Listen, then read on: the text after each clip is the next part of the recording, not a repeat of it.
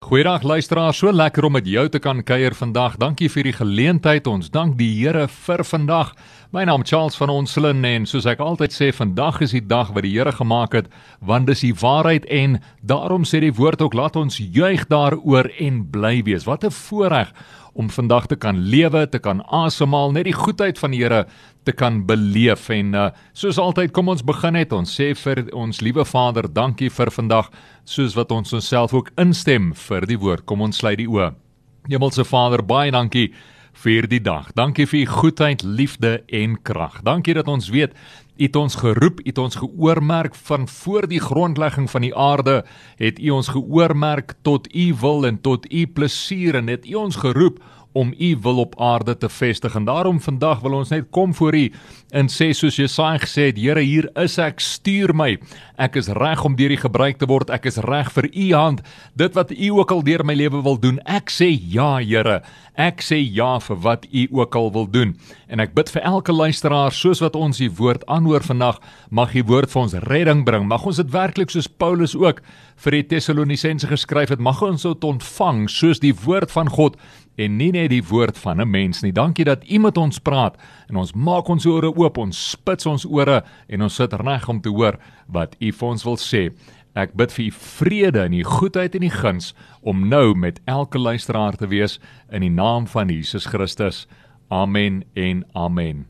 Nou ja, soos ek altyd sê, dis so voorreg om by jou te kan wees en dit is so. Baie dankie vir die geleentheid, dankie vir die voorreg en die plesier om die woord te mag deel met jou vandag.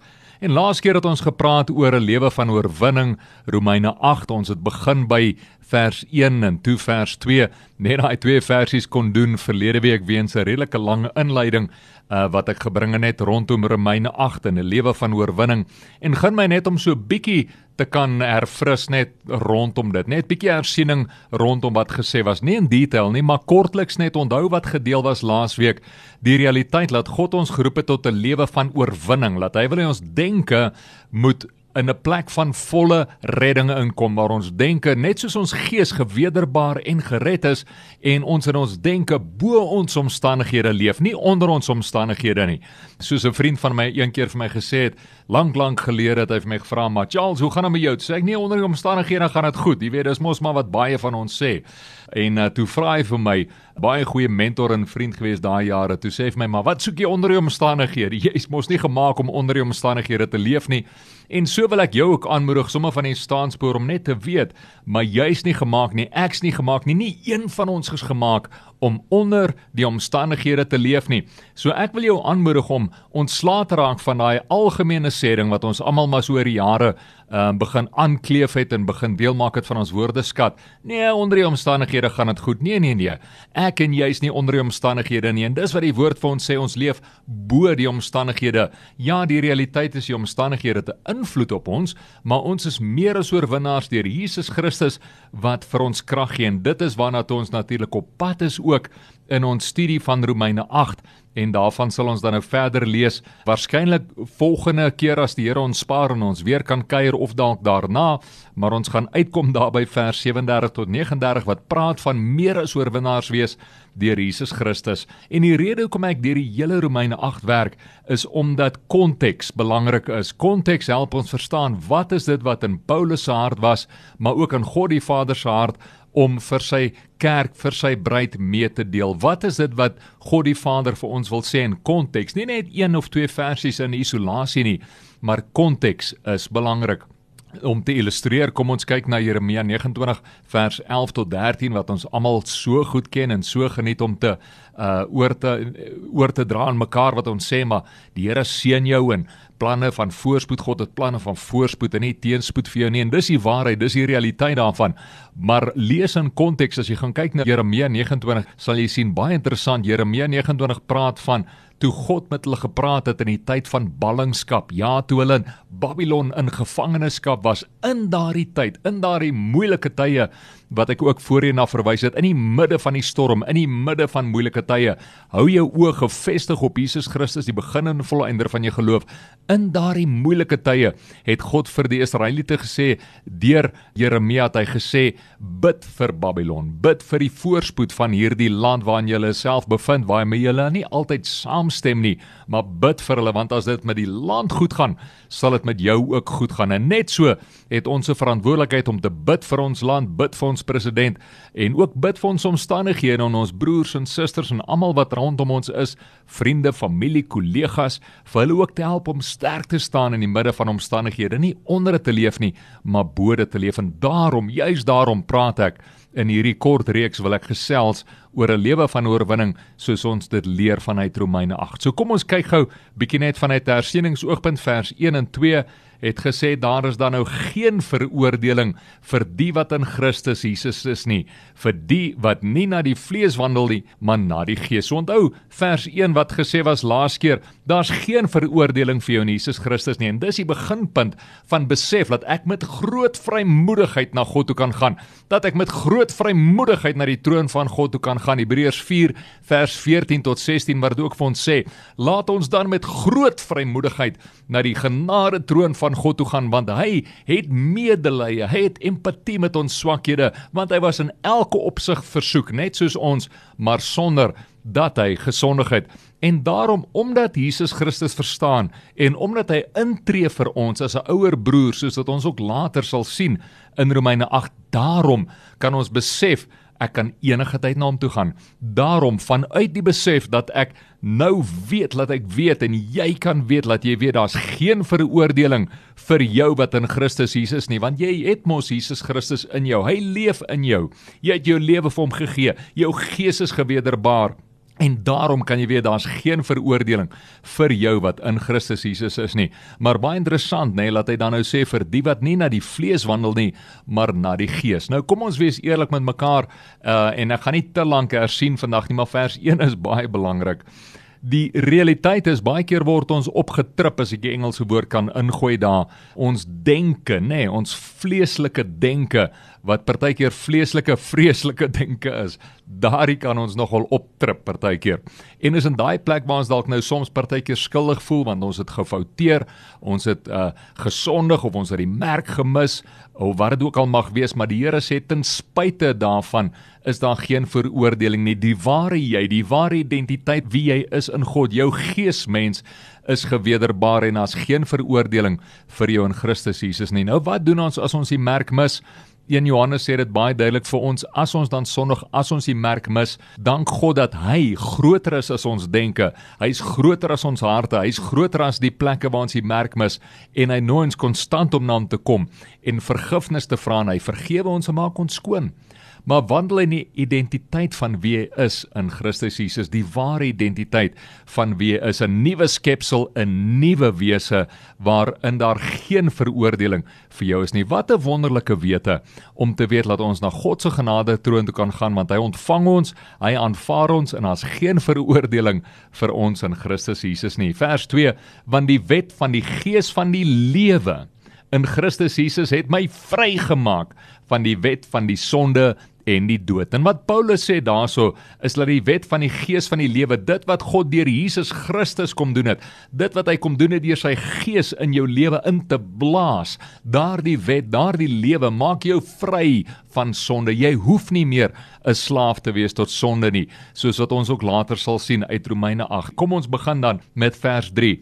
Want God het, wie het God het wat vir die wet onmoontlik was omdat dit kragteloos was deur die vlees deur sy eie seun in die gelykheid van die sondige vlees te stuur en dit ter wille van die sonde die sonde veroordeel in die vlees. Kom ons breek daai versie net so bietjie meer verteerbaar af. God het God het hierdie gedoen wat ons nie kon doen nie.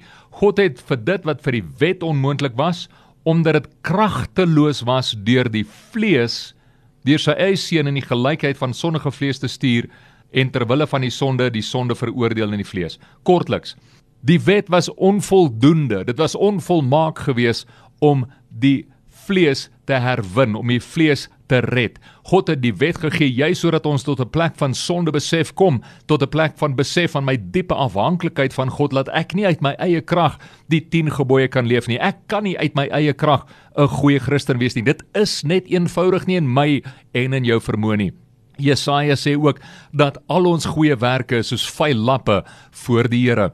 Paulus praat ook hiervan in Romeine 7 net voor hierdie Romeine 8 gedeelte as jy wil gaan lees gaan kyk daarna Romeine 7 besef hy ook hoe swak hy in sy vlees is hoe onkundig hy is en hoe hy geen krag het in sy gees nie. Hy's totaal en al vasgevang in hierdie onvermoë van maar ek kan nie in my vlees mens, my natuurlike mens kan ek God behaag nie.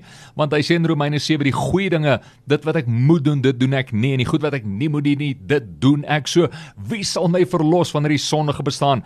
Dank God sy Jesus Christus, deur Jesus Christus wat my verlos het van hierdie sondige bestaan en dit is wat Paulus hier in vers 3. God het deur dit vir die wet onmoontlik was, wat die wet nie kon doen nie. Daar het God gekom deur die kragteloosheid van die wet, deur die kragteloosheid van die vlees, daar het hy sy eie seun in die gelykheid van die sondige vlees gestuur en dit ter wille van ons sonde en die sonde veroordeel in die vlees. Jy sien Romeine 3:23 en die hele Romeine is so besonder mooi, praat duidelik daarvan dat daar is 'n plek waar almal van ons kort kom van die heerlikheid van God. Ons almal het gesondig sê Romeine 3:23 en dit ontbreek almal van ons die heerlikheid van God.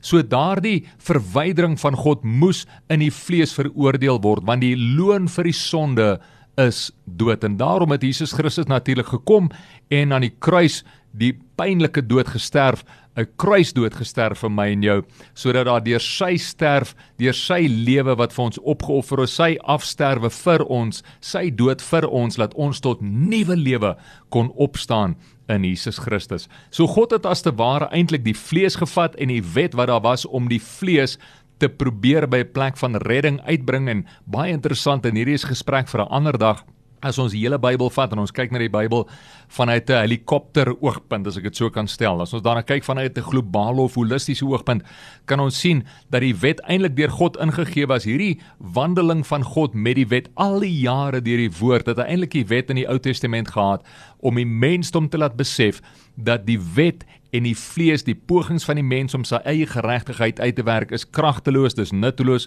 Ek en jy kan dit nie doen nie. Ons het God nodig. Kom ek illustreer verder. Gee vir 'n kind 10 reëls om te onderhou.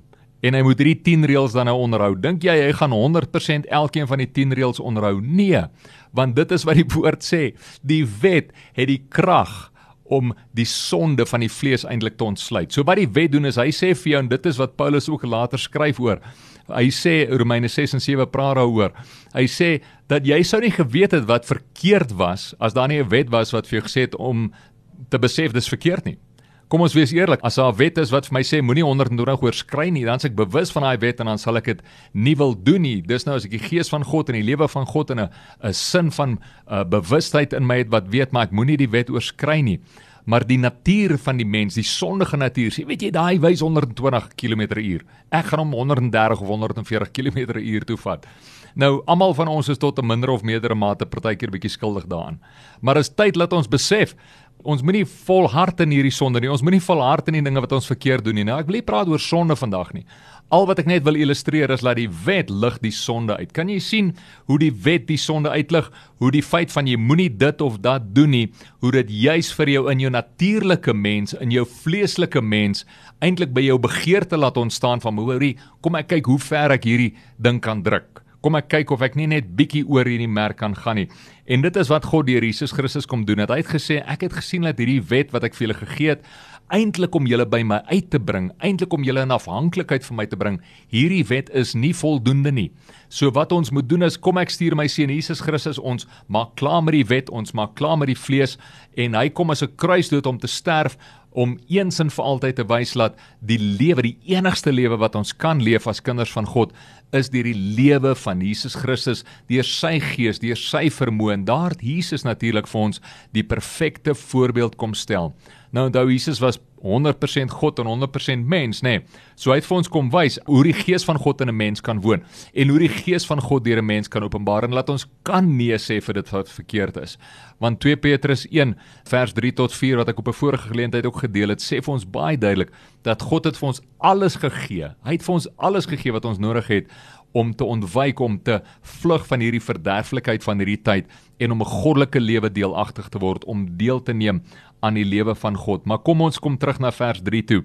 Die punt hier soos God sê dat hy het sy seun Jesus Christus gestuur in die gelykheid van die sondige vlees om aan die kruis vir ons te hang en dis waar Galasiërs 2:20 sê dat hy is gekruisig en ons is gekruisig saam met hom en ons vleeslike natuur, ons vreeslike vleeslike natuur is saam met hom aan die kruis vasgespijker, vasgenaal, gedood aan die kruis. En daarom sê Kolossense 2 vers 9 tot 10 en eintlik vers 10 tot 15 verder praat daarvan om te sê dat hy al hierdie veroordelinge, al hierdie slegte goed wat ons gedoen het in die verlede, het hy saam met Jesus Christus die wet, die sonde, die dood, al daai slegte goed het hy aan die kruis vasgespijker en hy het dit vir eens en vir altyd verwyder van ons en daarom is dit belangrik dat ons in konteks lees want nou verstaan ons vers 1 beter wat sê daar's nou geen veroordeling vir die wat in Christus Jesus is nie wat leef na die gees en nie na die vlees nie. So hierdie is lewe van God wat hy vir ons gegee het wat hy kom en beskikbaar maak vir ons vers 3. So hy het Jesus in die vlees die teken die merk van die sondige vlees het hy hom gestuur en ter wille van die sonde het hy die sonde veroordeel in die vlees vers 4 sodat die reg van die wet vervul kon word in ons wat nie na die vlees wandel nie maar na die gees. So deur die kruisdood van Jesus is dit wat hy vervul het deur die voltooiing van die reg, die voltooiing van die wet, die vlees wat moes sterf wat vervul is aan die kruis. Ons het nou deelagtig geraak daaraan. So die prys wat Jesus betaal het, het hy betaal vir ons. Ons weet dit en nou leef ons nie meer na die vlees nie, maar ons leef vanuit 'n geesdimensie, vanuit die dimensie van God en sy lewe in ons vers 5 want die wat vleeslik is bedink vleeslike dinge maar die wat geestelik is geestelike dinge kom ons wees eerlik wanneer ek dink na die vlees dink ek na die vlees. Ek dink nie geestelike goed ek's nie lus om Bybel te lees nie. Ek's nie lus om kerk toe te gaan nie. Ek is nie lus om ABC te doen nie. Ek is nie lus om na die woord te luister nie wat dit ook al mag wees. Ek is net nie lus om die Here te aanbid of te dien nie. Nou ek weet dit klink verskriklik. Ek weet dit klink vreeslik maar kom ons wees eerlik.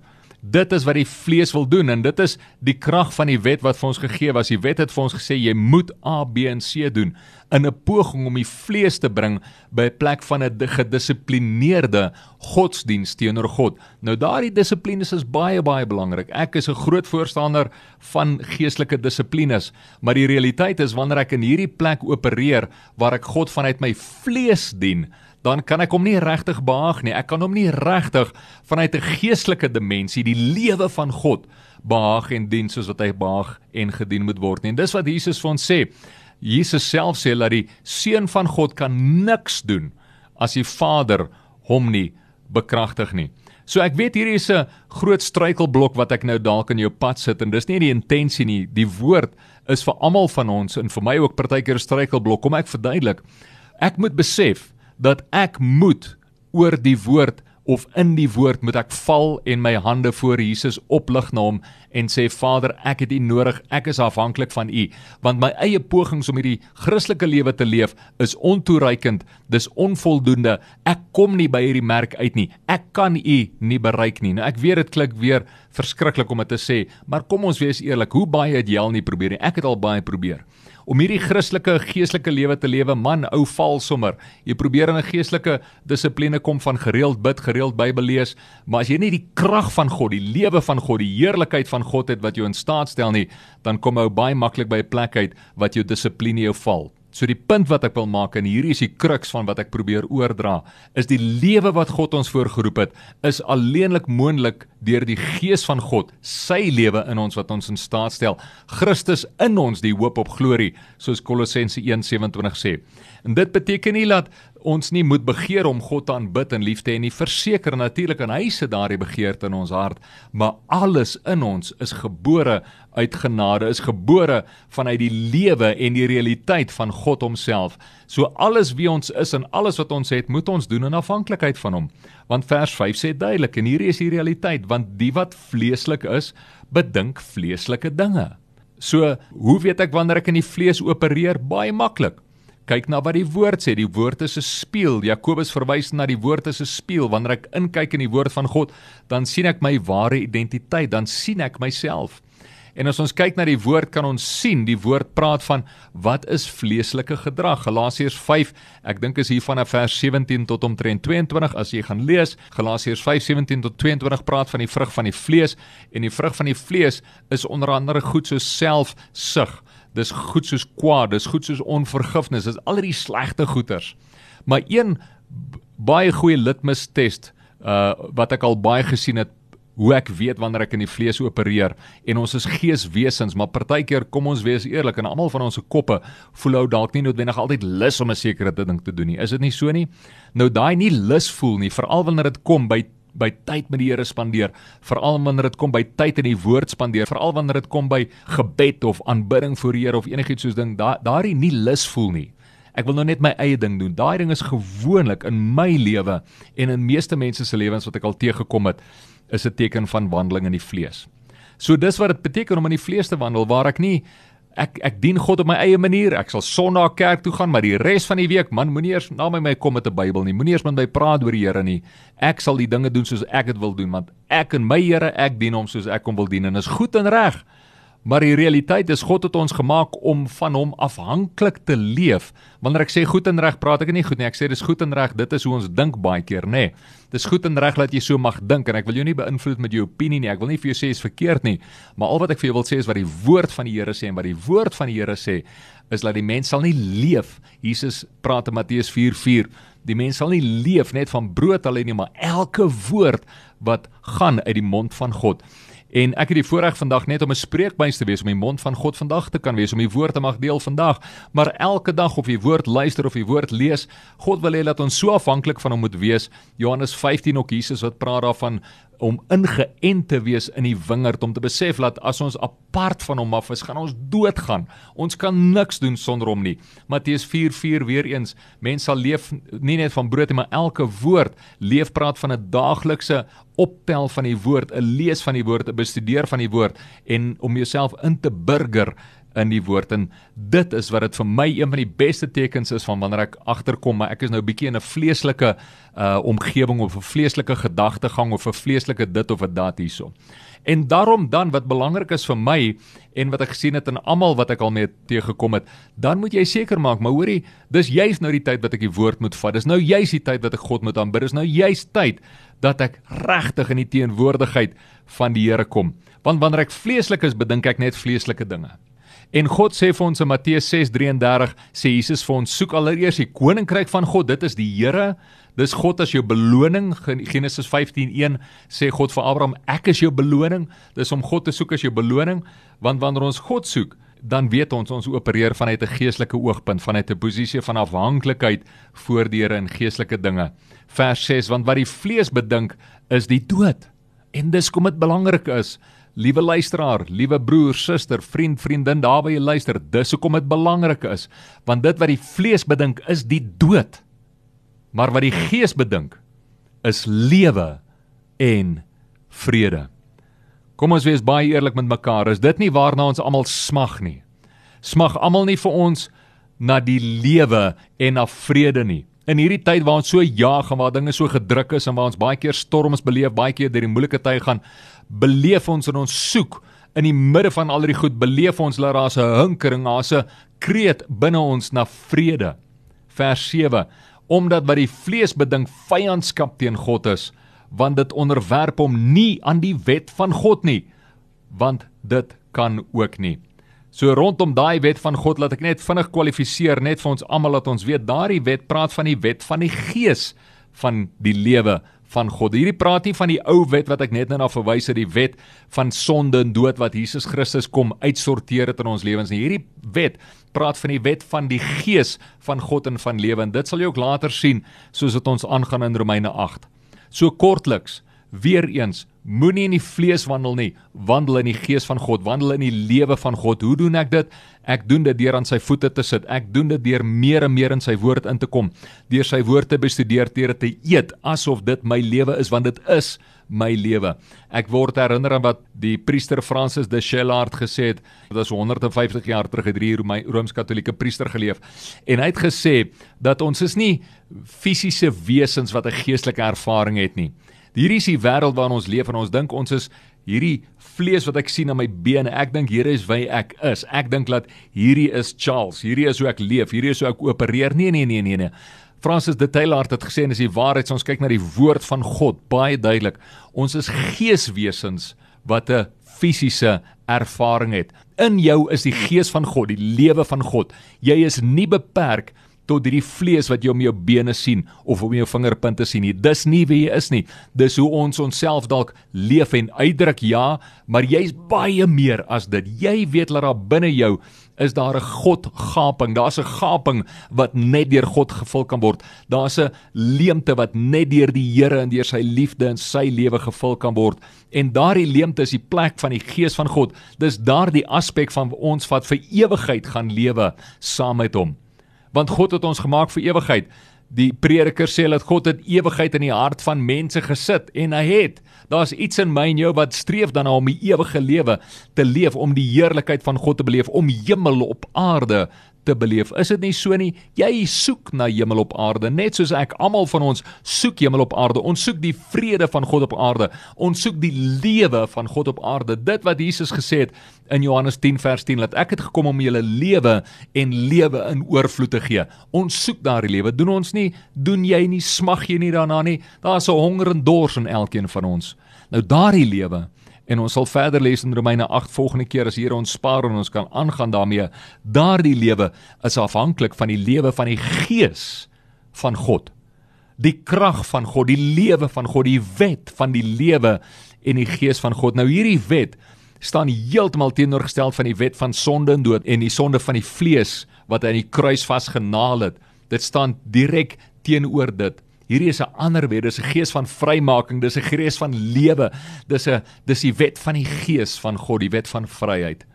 En daarom wil ek ten slotte jou vandag net aanmoedig om in jou gebedstyd regtig net aan die Here vas te gryp en vas te klou en sê Vader, ja, ek antwoord ja. My antwoord is ja. Ek wil meer van die leer ken. Ek wil meer van die woord leer ken. Ek wil regtig met alles wat ek in my is, wil ek indring in hierdie wet van die gees van God.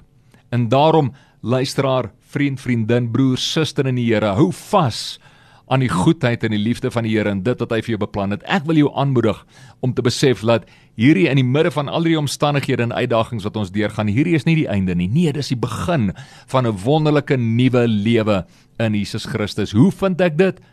Ek's bly jy het gevra. Maak tyd met die Here. Spandeer tyd met hom. Of jy in die oggend of in die aand Bybel lees of bid, maak nie saak nie deur die dag, hele dag deur, maak nie saak nie. Dis ideaal om konstant te probeer bid, konstant in die Here se teenwoordigheid, net bewus te raak van sy goedheid en liefde, maar maak tyd vir hom. Spandeer eers ten minste net 10-15 minute 'n dag. Dis so min. Hy wat sy lewe vir jou gegee het, spandeer tyd in sy woord, spandeer tyd in sy teenwoordigheid, spandeer tyd om hom regtig diep en innig beter te leer ken. En soos wat jy dit doen, is my gebed vir jou dat jy die gees van lewe die wet van die gees van vryspraak en lewe van God sal ervaar. Mag ek vir jou bid. Vader, baie dankie vir u woord. Dankie vir u goedheid, u guns, u genade, u liefde oor elkeen van ons. Dankie dat u ons diep en innig liefhet. Dankie dat ons weer daar's geen meer veroordeling vir ons wat in Christus Jesus is nie. Dankie dat ons kan weet het gekom en deur Jesus Christus het u deur die kruisdood, het u eens en vir altyd die wet van die sonde en die vlees het u aan die kruis gespyker en daarmee weggedoen. Baie dankie dat ons kan kom voor u en wandel vanuit 'n plek van die gees van vryspraak, die gees van lewe. En is my gebed vir elke luisteraar dat hulle sal ontmoet soos wat hulle ook uitreik na u, dat hulle sal ontmoet in hierdie tyd en regtig deur u gees en deur u lewe sal verkoop en sal versterk in die naam van Jesus Christus. Ek spreek lewe en vrede oor elke luisteraar. Dankie vir u hand oor elke persoon. Dankie vir die goedheid en die guns van die Here oor hulle in die wonderlike naam van Jesus Christus bid ek dit. Amen en amen. Mag jy in die krag van die Here wandel in die tyd wat voorlê, staan vas, staan sterk in die midde van die storm en weet dat God jou liefhet, baie baie lief en hy het groot planne vir jou, goeie planne in die midde van ook enige uitdagings wat jy mag beleef. Tot 'n volgende keer.